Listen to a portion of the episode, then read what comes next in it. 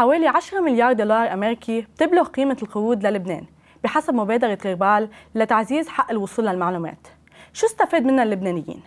على الرغم من ضخ كثير من التمويل على مر العقود نادرا ما استفاد المواطن اللبناني منها إما بسبب الإهمال والهدر أو بسبب دخول المشاريع والشركات المسؤولة عنها بدوامة الفساد اللبناني قناعة من درج بأهمية هالنوع من التحقيقات ومن أكثر من سنة ونص بلشنا نشتغل على مشروع تحقيقات لمتابعة أموال القروض الأجنبية لمشاريع متعددة بلبنان بناء على شبهات الفساد اللي بتحاوط هالمشاريع.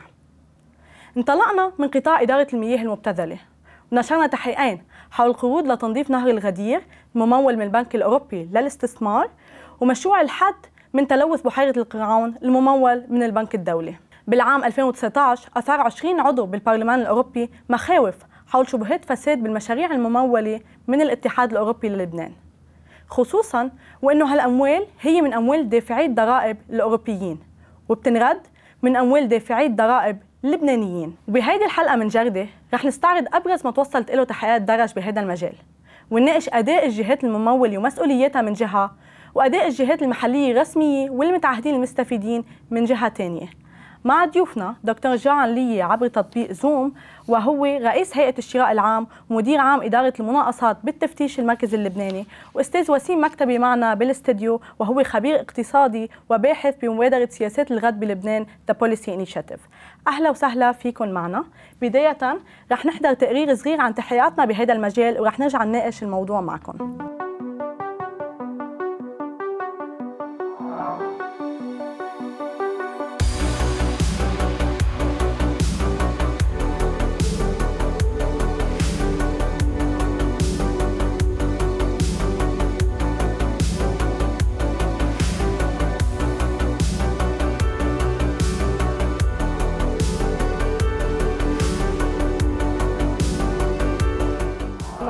اطفال عم بيمرضوا مالي أنا ابني كان صغير عمره 8 أشهر.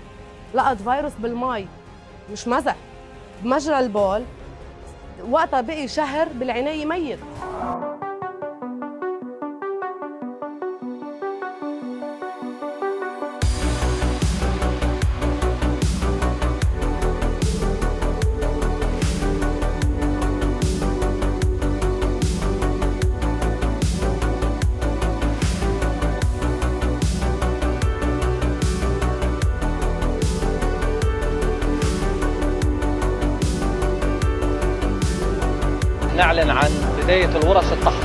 لتنظيف مجاري مياه الأمطار من على كامل الأراضي اللبنانية وبدأنا من نهر الغدير.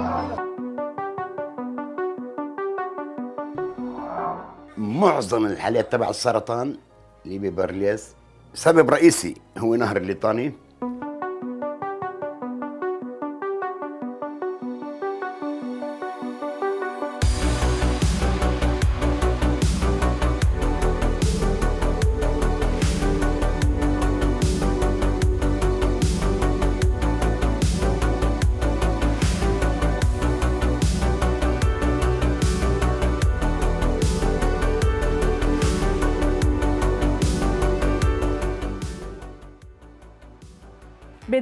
دكتور علي بصفتك رئيس هيئة الشراء العام وحضرتك من أكثر الناس اللي حكى عن كثير عن أهمية قانون الشراء العام وبالفعل بمنتصف عام عام 2021 أقر هالقانون وحذرت حضرتك من فترة الشركات أنه دخل القانون حيز التنفيذ بتموز 2022 فشو أهمية هالقانون والهيئة نفسها وشو ممكن فعليا على الأرض يغيره؟ مساء الخير يعطيكم ألف عافية. آه بداية إلي هيك متاع الملاحظة مش تعليق على التقرير.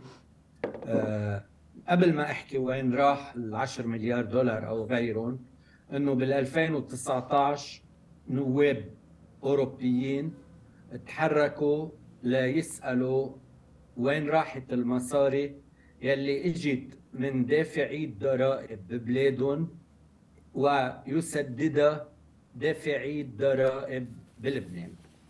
هيدا ما كان الإنذار الأول.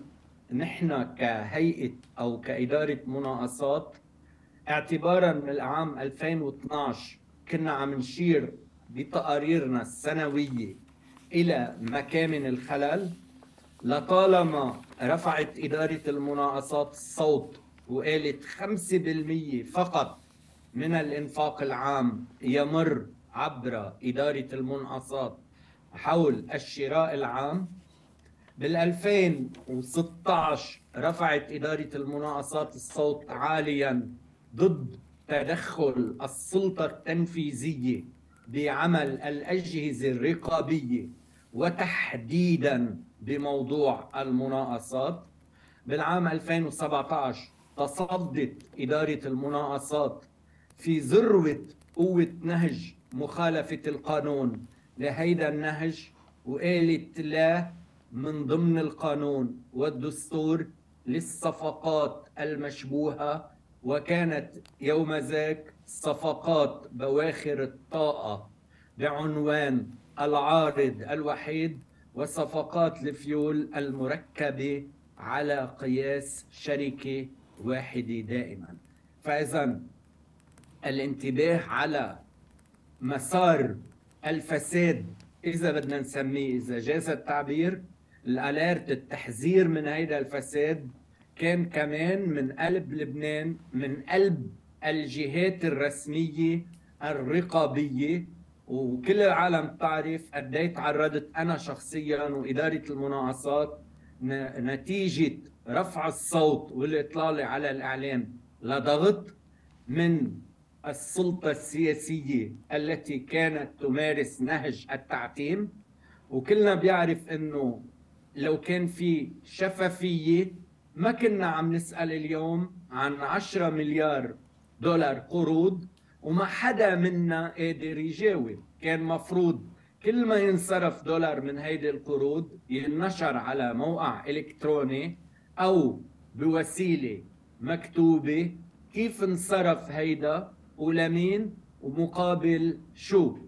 إذا اليوم بدنا نحكي عن القيمة مقابل المال اليوم ما حنشوف قيمة حنشوف مال مصروف مع الأسف. الجهات الرسمية الرقابية كانت في معظمها عم تلعب دورها. طبعا السياسيين زرعوا أزلام وأتباع داخل المؤسسات الرقابية والمؤسسات القضائية لمنع من يطبق القانون من القيام بواجباته وأبرز مثال وأوقح مثال على هيدا الشيء الإخبار الذي تقدم به المسمى وزير عدل في الحكومة اللبنانية بموجب مرسوم بحق مدير عام إدارة المناقصات الذي مثل أمام القضاء بتاريخ 19 7 بإخبار تقدم به معالي وزير العدل وكانت التهم المنسوبة هي الإساءة إلى القضاء بحجة أنه تم تناول قرار قضائي تم التعليق على قرار قضائي يسري شركة ما يسري متعهد ما أو متعهدين على حساب الخزينة اللبنانية. يعني لما بيصل التعتيم إلى حد التهديد واستخدام الوسائل اللي وجدت أصلا لحماية حرية الرأي لما بيصل بالسلطة الأمر أو بأحد رموز السلطة أو بأحد الجهات السياسية يلي وجد صدفة في موقع وزير عدل إلى إساءة استخدام موقعه لتوجيه آه، لتقديم إخبارات بحق من يقدم القانون آه، من يطبق القانون. بعتبر بعتقد من بقى بحاجة إلى مؤشرات خارجية. المؤشرات الداخلية صارت كتير واضحة. كمان من مؤشرات الفساد من مؤشرات قياس الفساد بالإضافة إلى الالتزام بالقوانين ممكن نضيف مؤشر ينطبق على كل دول العالم مش عم بحكي بالضرورة عن لبنان عن صلة وزير عدل مثلا بالعدل. هذا كمان بيعطينا فكرة عن مسار العمل القضائي والإداري في بلد معين. طب دكتور هلا القانون الجديد قانون الشراء العام الجديد والهيئة هل ممكن تكون عم بتواجه هيدي التحديات اللي عم بتصير من الداخل خاصة موضوع الشفافية؟ نحن كإدارة مناقصات يلي صرنا بعد 29 سبعة هيئة الشراء العام من وقت ما كنا إدارة مناقصات كنا عم نواجه هيدي التحديات.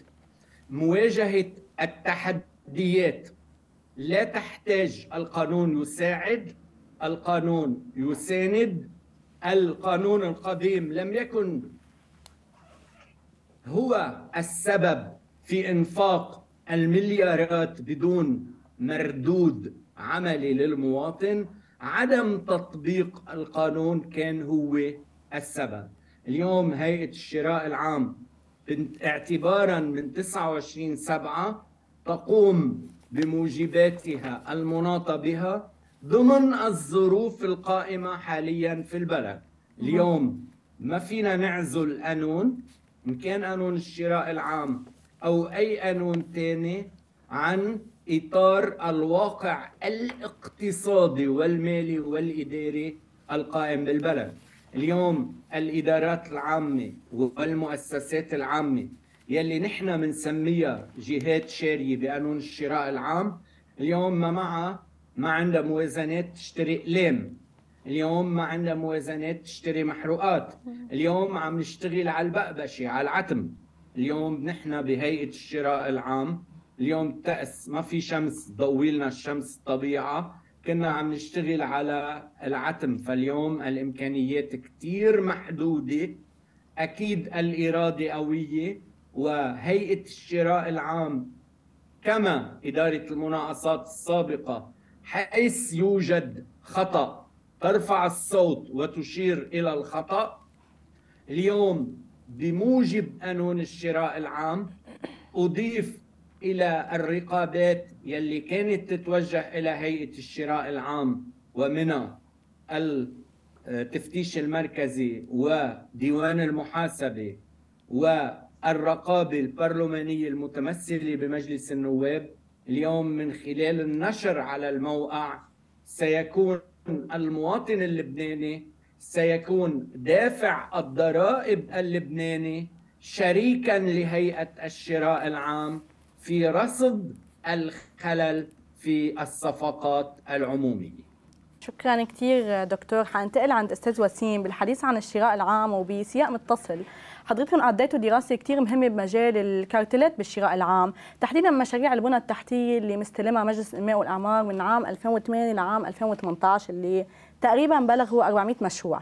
سو ممكن تخبرنا أكثر عن دراستكم وشو أهم ما تبين فيها؟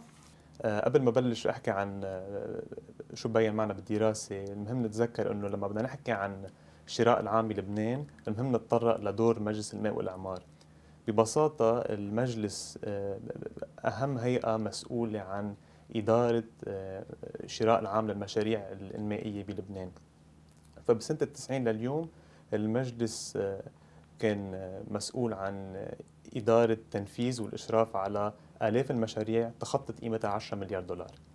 هلا بدراستين اللي قمنا قمنا فيها مع دكتور سامي عطله ومنير مهملات تبين منا التالي. بأول دراسة بنفرجي إنه في آه، شبكة صغيرة من الشركات آه، يلي مقربة من السياسيين اللي عندهم تمثيل بمجلس إدارة مجلس الماء والأعمار آه، بتستحوذ أو بتربح أغلبية المشاريع القيمة الضخمة. أما بتاني دراسة بنجرب بنحاول يعني علما إنه في شبكة صغيرة من الشركات اللي عم عم تربح هالمشاريع. جربنا نفهم كيف هذا الشيء بيصير. شو الإطار العمل اللي بيسمح لهذه الشركات أو اللي بيسمح للنخب السياسية إنها توجه هالقيمة من ملايين الدولارات اللي ممولة عبر قروض آه، دولية ومحلية لشركات مقربة من النخب السياسية. واللي بتبين معنا إنه آه، العمل بيكون عبر التواطؤ المقاول الشركة المسؤولة عن تنفيذ المشروع المصمم الشركة المسؤولة عن رسم إطار عمل المشروع والشركة الاستشارية الشركة المسؤولة عن إشراف آه، صحة تنفيذ المشروع ومجلس إدارة آه، الماء والعمار. يعني عبر التواطؤ آه، هول اللاعبين مع النخب السياسية نخلق بيئة قدرت من خلالها النخب السياسية توجه هالقيمة من المصاري عبر السنين. دكتور علي بحديثنا تحديدا هون عن مجلس الإنماء الأعمار وإضافة للي قاله أستاذ وسيم اللي كمان تبين معنا نحن بتحقيقاتنا عن القروض الأجنبية تحديدا إنه يا أما بنروح فرصتنا إنه نستفيد من أموال مرصوده مثلا بمشروع الغدير اللي هو ممول بقرض من البنك الأوروبي للاستثمار آه بيكون في أموال مرصوده ما بنعرف نستفيد منها أو ما بتوصل حتى أو بتوصل الأموال واللي بيستفيدوا منها هن نفس السله من المستشارين أو نفس المتعهدين المقربين من جهات سياسية نافذة بالبلد. وهذا الشيء اللي بين معنا بتحقيق اللي عملناه على موضوع حد من تلوث بحيرة القرعان واللي ممول من قرض بالبنك الدولي. فقد إيه هذا الشيء عن جد عم بفوت فرص على اللبنانيين إنه نستفيد من هيك قروض خاصة إنه قيمة القروض ضخمة وكبيرة وكان عن جد ممكن تحدث فرق كبير للبنان وبيأثر كثير على حياة السكان. إن كانوا سكان المقربين من نهر الغدير مثلا بهودي المثال اللي عم ناخده أو سكان المنطقة منطقة الليطانة أنا ما رح أقدر فوت بهول المشاريع بالتفاصيل يلي عم تعرضيها لأنه هيدي المشاريع ما كانت تمرق عبر إدارة المناقصات أنا حقارب هيدا الموضوع من ناحية علمية قانونية. نحن من 2990 إلى اليوم نقارب الاستثمار بأنه نحن بحاجة إلى المال كي نستثمر. واليوم معدنا مع الأسف بذات الذهنية مفكرين إنه نحن وصلنا إلى ما وصلنا إليه وإذا بيجينا مصاري من صندوق النقد من البنك الدولي من غيرهم تنحل المشكلة. نحن اهملنا جانب كبير كثير مهم جانب كبير. كثير مهم هو جانب إدارة هيدا المال. فالاستثمار منه فقط مال هو إدارة زائد مال. صحيح من التسعينيات إلى اليوم تدفقت الأموال إلى لبنان وأنفقت بمشاريع بعضها نفذ بعضها لم ينفذ بعضها نفذ دون المواصفات المطلوبة. خليني أقول هيك من باب النظر لاكتمال النظريات. وبعضها نفذ وفقا للمطلوب. ولكن كان في خلل كبير بالإدارة وبالرقابة. أنا ما بدي إجي صوب على الإنماء والإعمار كأنماء وإعمار لأنه بالنهاية الإنماء والأعمار أنشئ بمرسوم. الإنماء والأعمار يتلقى قروض من الجهات المانحة تقر بقوانين في مجلس النواب. والإنماء والأعمار ينفذ مشاريع تحال له من مجلس الوزراء. إذا أنا بدي أشوف الصورة كاملة بدي أشوفها ضمن هيدا الإطار. في إدارات رسمية يفترض فيها أنها تقوم بمشاريع في مجلس وزراء. كان يكلف مجلس الانماء والأعمار وفي هيئات رقابية كان يفترض أنها تراقب وتقوم بدورها وتدل على مكامن الخلل. هون بشوف الصورة بشكل كامل وما بحطها بمحل واحد معين. هيدي الصورة غياب الإدارة غياب الحوكمة عن الإدارة غياب الرقابة التركيز على الحصول على المال وفقط المال وتقاسم المشاريع وتحول الجهات المعنية التي يفترض فيها أنه ما تتدخل بموضوع المناقصات إلى مجالس عليا للمناقصات. أدى إلى النتيجة يلي وصلنا إلها. ففي خلل كبير كان بالإنفاق على الشراء العام. كان في قانون محاسبة عمومية. أنا من من صانعي إلى حد ما قانون الشراء العام ومن المدافعين عنه. بس أنا ما بقول إنه الفساد أو الاهتراء اللي كان قائم بالإدارة قبل قانون الشراء العام سببه عدم وجود قانون للشراء العام. أنا بالإدارة من التسعينيات وخبرتي بتقول إنه قانون المحاسبة العمومية لو طبق ما وصلنا لهون. نحن اليوم بحاجة لتطوير القوانين لا ننكر وبقول لك من هلأ قانون الشراء العام وحده ما راح يحل المشكلة. يجب فصل الإدارة عن السياسة. م- الشراء العام هو موضوع صرف تقني يجب إبعاد السياسة عن الشراء العام.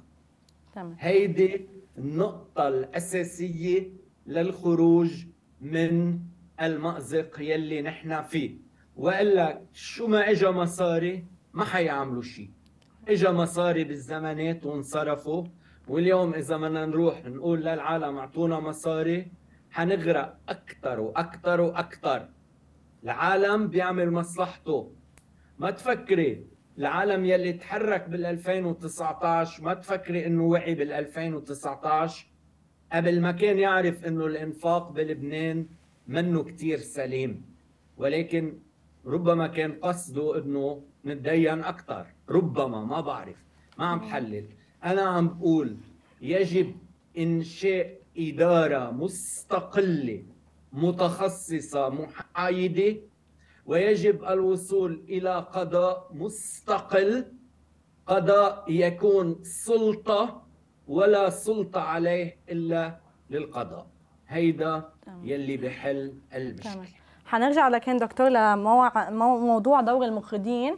وبطبيعة الحال يمكن ما حدا بيتحمل المسؤولية الكاملة مثل ما حضرتك ذكرت. وهون بدي انتقل عند الأستاذ وسيم لأنه آه كثير في ناس بتحكي عن شبهات فساد كانه إذا رجعنا على نقطة مجلس الماء واعمار عن شبهات فساد بس في كثير ناس ما بتعرف يمكن كمان طبيعة دوره لمجلس الماء واعمار وبيتحمل مسؤولية مثل ما ذكر الدكتور بيتحمل مسؤولية جهة وحدة بس هو كيف سيستم اللي تأسس فيه شو مهامه أو الامتيازات الاستثنائية مثل ما حضرتكم ذكرتوا بال- بالدراسة والصلاحيات اللي بيتمتع فيها المجلس.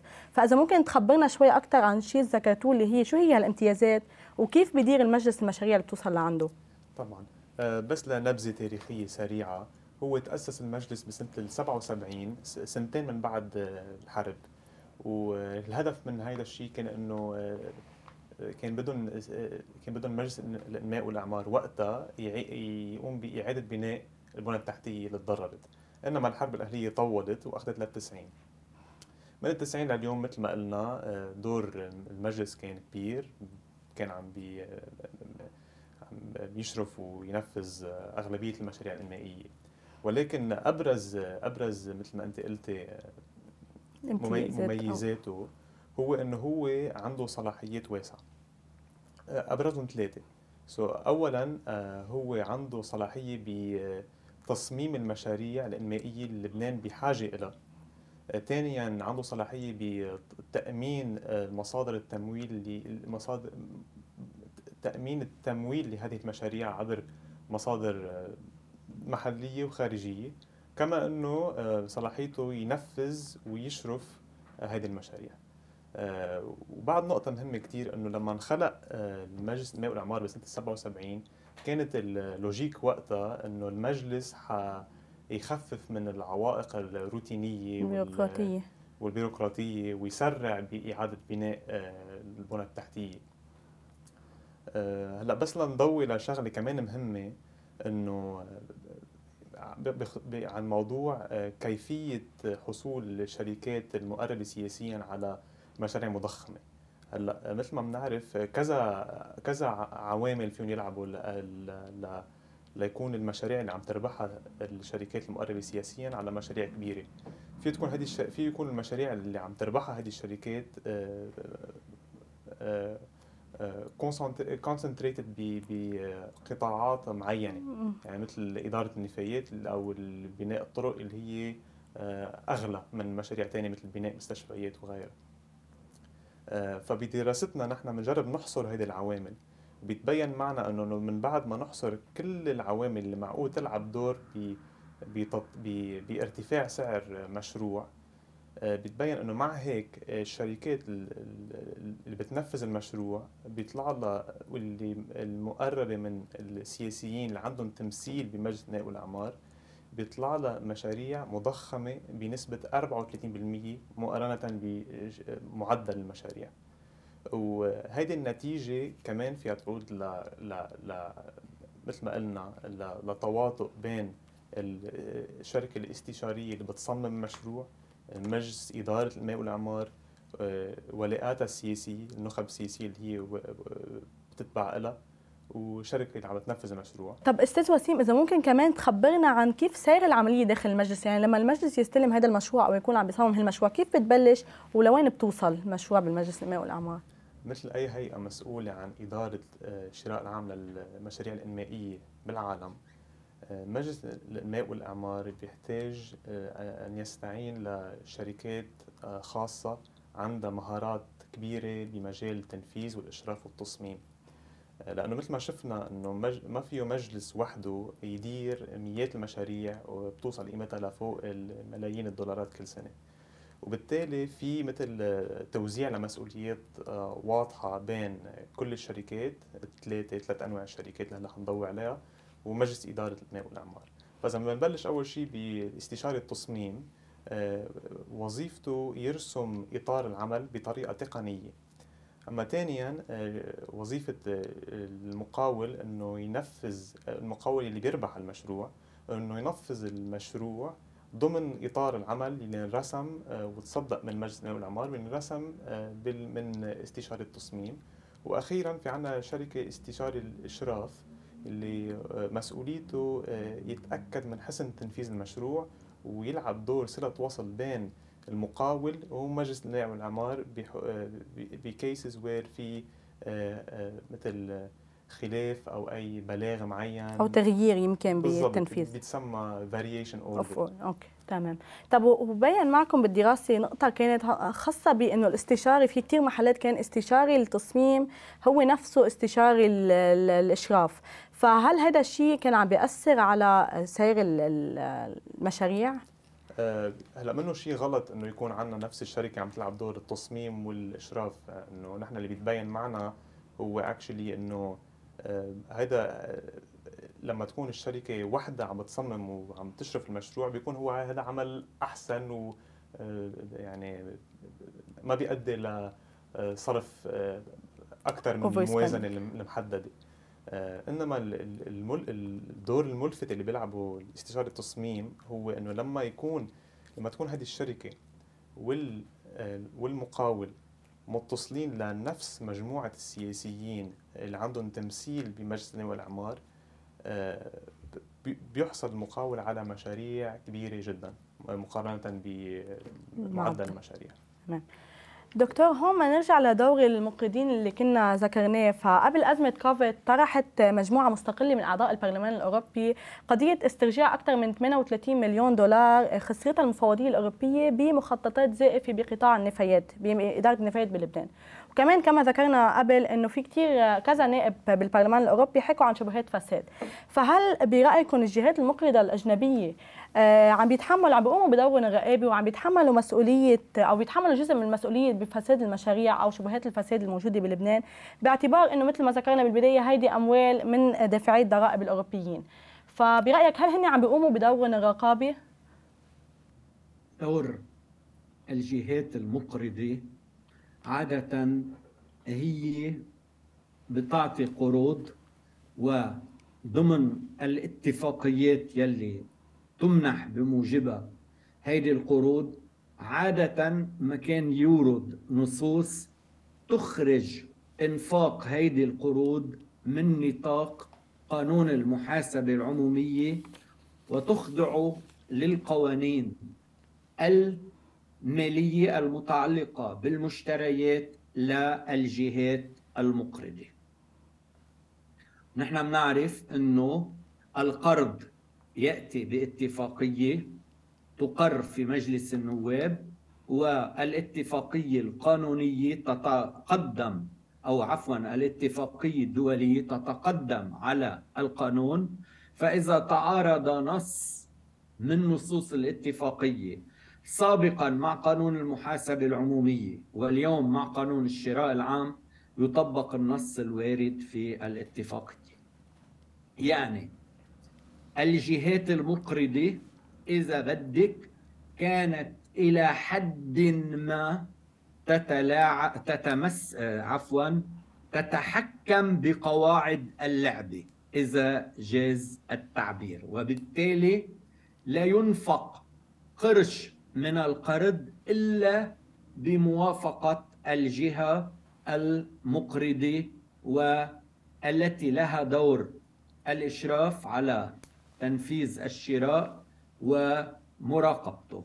هلا أنا برجع بقول لك أنا ما عندي معلومات عن الأرض لأنه القروض الإنفاق من القروض لم يكن يمر عبر إدارة المناقصات ولا يمر اليوم عبر هيئة الشراء العام إذا كان في نصوص معاكسة. ولكن أنا عم بحكيكي كخبير مالي أنا لا أتهم الجهات المقرضة التي اعطتنا قروض ولكن أنا أطرح السؤال. إذا كانت الجهات المقرضة مثل ما طرحت السؤال بالنسبة للجهات الرقابية اللبنانية وأنا بمحل معين جزء منها وطرحت السؤال عني قبل غيري أنا عم بعمل معك مقاربة علمية. إذا كانت الجهات المقرضة تقوم بدورها كامل في الرقابة بعتقد ما كان وصلنا لهيدا المستوى. ما بدي أستعمل كلمة فساد من عدم فعالية هذا الإنفاق. الإنفاق منه غاية بذاته الإنفاق يهدف إلى يكون في بنية تحتية سليمة. يهدف إلى تحقيق خدمات يستفيد منها المجتمع والمواطن. كلنا شو ما كانت مقاربتنا مهما اختلفنا بالمقاربة كلنا بنصل عند النتيجة وبنتفق إنه نحن ما عندنا بنية تحتية. اليوم الوضع اللي مرقنا فيه هو اللي بيحكي هيدا اليوم بالذات. نحن ما وصلنا من هذا بهيدا الإنفاق حتى الإنفاق الممول من قروض والمراقب من قروض من المقرضين ما وصلنا فيه إلى تحقيق القيمة مقابل المال. أنا طرحت موضوع التدقيق الجنائي بالصفقات العمومية بكل الصفقات العمومية وعملت مؤتمر صحفي بهيدا الموضوع. وقلت فلنبدأ من إدارة المناقصات ونرجع نروح على كل المجالس والصناديق والمؤسسات. وهيدي نقطة بداية التدقيق الجنائي لأنه كل قرش انصرف من الدولة اللبنانية. طلع من مصرف لبنان ما طلع من مصرف لبنان إلا بموجب محضر استلام وأمر صرف من قبل الجهة يلي تمت النفقة لصالحها فاليوم ما فينا لا في أنا لست بموقع إني أعطي الجهات المقرضة براءة ذمة ولست بموقع إدانتها. أنا أطرح السؤال مثلي مثل أي اوبسيرفاتور عم بيراقب بلشتي الحلقة بالسؤال اجى لعنا 10 مليار دولار. من حقنا نشوفهم ببنى تحتيه سليمة.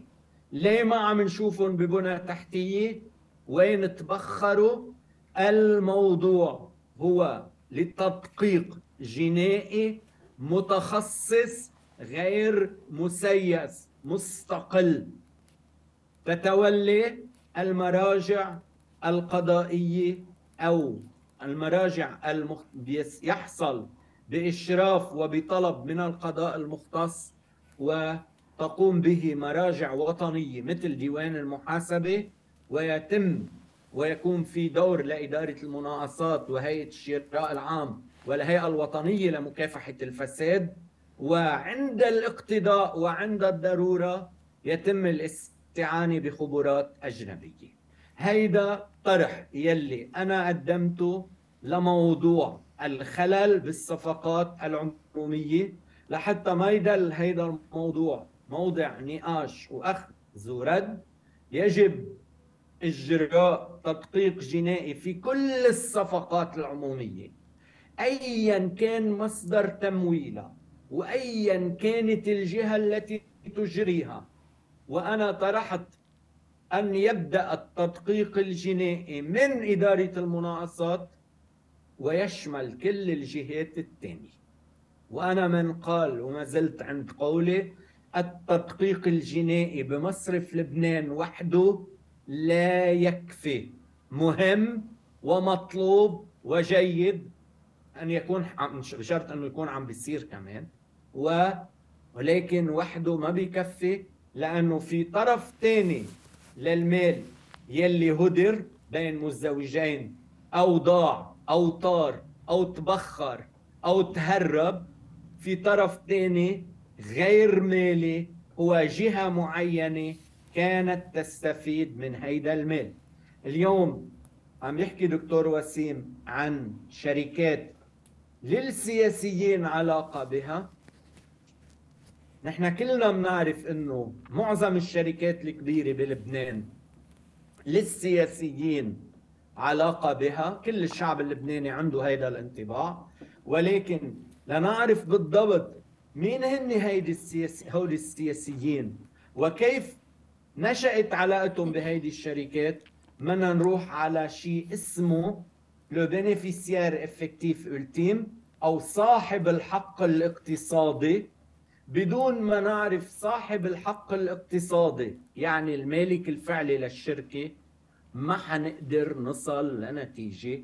هيدا الشيء بينعرف ضمن تدقيق جنائي. يعني اليوم أنا بعمل بإدارة المناقصات مناقصة بيشترك فيها خمس شركات بنزقف لها كلنا لأنه أساميهم بالسجل التجاري مختلفين. إذا رحنا خطوة لقدام مثل ما مفروض نروح وبينا صاحب الحق الاقتصادي لهم يمكن يطلع شخص طبيعي واحد. فهيدي أهمية أن نبدأ أو صاحب القرار أو أصحاب القرار بلبنان ما ندل لحد هلأ لم يطرح التدقيق الجنائي حتى اليوم إلا كشعار. بتلاحظي إنه في بعض الأطراف بموسم الانتخابات كانت كل يوم تقول تدقيق جنائي. بس قطعت الانتخابات صار وتيرة الكلام عن التدقيق الجنائي أقل وتبخرت. أنا اليوم ما عم بطرح التدقيق الجنائي من مقاربة سياسية. أنا عم بقول إذا بدنا نعمل إصلاح للإدارة ونستفيد من الأخطاء السابقة مفروض ما ننطلق من صفر مفروض ننطلق على الأقل من الحقيقة على الأقل من الحقيقة. بده الشعب يسامح بده الشعب ما يحاسب. هيدي موضوع آخر. بس ما فينا نبني إذا ما عرفنا الحقيقة. بال... على الأقل بموضوع الصفقات العمومية يجب أن يحصل تدقيق جنائي وأن يتم تحديد هوية صاحب الحق الاقتصادي le bénéficiaire effectif ultime للشركات الكبيرة يلي أخذت مناقصات على مدى العشرين سنة يلي قطعت لحتى ما حدا يقول لنا عم تحملني إلي وما عم تحمل غيري. نحن ما عم نحكي بالسياسة ولا نتهم حدا بالسياسة. نحن عم نحكي عن خارطة طريق إلى استعادة مقومات الإدارة. تمام. أستاذ وسيم و بس فيني اتفضل. أكيد. أوكي. آه، يعني حضرة الدكتور اللي قاله آه، كثير مهم وبيساعدنا بمحاسبة آه، السياسيين وأصحاب الحق الاقتصادي النقاط مهمة كثير ولكن نحن إذا بدنا نتفادى هذا الشيء بالمستقبل لازم آه، لازم بالإضافة للنقاط اللي حكي عنها آه، ناخذ بعين الاعتبار آه، أشياء ثانية اللي هي كثير مهمة. آه، نحن اليوم بأزمة اقتصادية عميقة ولنطلع منها الطريق حتما بده يمرق آه، بده بيحتاج لمشاريع انمائيه بتخلق فرص عمل بتعزز الحركه الحركه الاقتصادية فمثلا نحن بال 2018 قبل الأزمة آه، السياسيين اللبنانيين راحوا على باريس أو برلين بعتقد آه، وهذا كان آه، باريس أربعة مجتمع باريس أربعة المعروف بساد وصار في مثل بلاج إنه السياسيين حيعملوا ليست إصلاحات. ليحصلوا على 11 مليار آه، دولار ليمولوا مشاريع انمائيه آه، فنحن لن يعني لنتعلم من من الدرس درس اللي ثمنه غالي كثير بدنا نتفادى هيدا الشيء بالمستقبل. ولنتفادى هالشيء آه، علما أنه مجلس الأنماء والأعمار بده يلعب دور أساسي باي بإدارة أي مشروع انمائي بدنا كمان نعالج إدارة المجلس. فحسب مرسوم الاجتراعي اللي تأسس من خلاله المجلس بي- بينص إنه مجلس الإدارة لازم يصير في مداورة له كل خمس سنين. نحن صرنا من 2006 لليوم عنا نفس مجلس الإدارة هن ذاتهم. في كم شخص توفى في شخص يمكن مفوض الحكومة تغير ولكن الرئيس و أعضاء. أعضاء هن ذاتهم. فقد ما بدك انت تفصل تفرقي التقنيات من السياسة مش حتقدري ضمن إطار ضمن وجود نفس كبار السياسيين ونفس ولاءات السياسية ولاءات السياسية عبر الزمن. يعني هذا الشيء ما فيه يصير وأنت بتحتاجي قبل كل شيء لتغيير بإطار أو بإدارة المجلس عبر آه، تدوير المجلس زيادة عدد أعضائه لتخلي من خلال من خلال هالشيء بيصير العمل آه، بيصير التواطؤ عبر الشركات والنخب السياسية. ومجلس الإدارة كثير مكلف كثير بده جهد وصعب وصعب آه، يكون مستدام. تمام. دكتور هون كمان النقطة اللي طرحها أستاذ وسيم كمان لها علاقة بالحلول أو توصيات يمكن لبعدين للحد من هالهدر والفساد أو كل هيدا أو شبهات الفساد. النقطة اللي طرحها دكتور وسيم هي نقطة كثير مهمة. أنا بطرحها ضمن مقاربة. لا تقتصر على مجلس الإنماء والإعمار. اليوم كل ما هن المؤسسات الإنمائية الإدارية الرقابية القضائية. يتم التعيين فيها على قاعدة المحاصة عبثا نحاول وما حنحصل على نتيجة. أنا مع اللي قاله الأستاذ وسيم أو الدكتور وسيم أنه الشخص المعين ليكون ولاؤه للجهة اللي عينته هو شخص معرض أكثر ليتواطأ ويعطي شركات للجهة يلي عينته بمناقصات لا تستحقها يجب إعادة النظر. يعني نحن بلبنان بنجي بنضحك شوي على العالم أو العالم بيقبل نضحك عليه بنقول له بدي أعمل هيئة ناظمة للكهرباء مثلا. بس أنا ما بعمل ما بعمل الهيئة الناظمة إلا ما أتفق على تعيين الأعضاء. بتعرفي شو يعني الاتفاق على تعيين الأعضاء؟ يعني هيدا إلك وهيدا إلي. إذا بدنا نعمل هيئات ناظمة ومجالس إنمائية ونعينها بهي الطريقة هيدا الفساد بحد ذاته. نحن الهيئات الناظمة والمجالس الإدارة إجت أول شيء قلنا بالستينات نشأ فكرة المؤسسات العامة. ليه نشأت فكرة المؤسسات العامة؟ نشأت فكرة المؤسسات العامة لنتحاشى الروتين الإداري وولاء الموظف المطلق للوزير ونعمل هالمؤسسات العامة المستقلة يلي مفروض تكون مستقلة عن سلطة الوزير إلا في إطار وصاية ضيقة للتأكد من انطباق نشاطها على القانون يلي أوجده. صارت الجهات السي... صاروا السياسيين يعينوا مجالس الإدارة. صارت المؤسسات العامة أزمة بدل ما, تكو... ما تكون حل. وعندنا كثير أمثلة عن مجالس إدارة مؤسسات عامة مش معطوبة أو مشلولة أو غير معينة لأنه بعد ما التفقنا على تقاسم أعضاء. المؤسسات العامة نشأت كفكرة لتجمع بين حسنات قطاع عام وقطاع خاص فبالنتيجة كانت التجربة فاشلة. واليوم عم نركض على هيئات ناظمة. هيئة ناظمة للنفط هيئة ناظمة للكهرباء هيئة ناظمة للشراء العام. من خمس أعضاء. إذا بكرة هيدي الهيئة الناظمة ما بدها تكون أساس فكرة نشوء الهيئات الناظمة بالعالم فصل ما هو تقني عما هو سياسي. إذا كان الشخص يلي هو ضمن الهيئة الناظمة وهون بسني على اللي قاله الدكتور وسيم منه شخص مستقل ما حيقدر يقوم بالدور المناط فيه بشكل محايد وبالتالي حتتحول هيدي الهيئات الناظمة إلى هياكل لا سمح الله ترعى أو تنظم أو تشرع الخلل. إذا ما استعملت تعبير الفساد.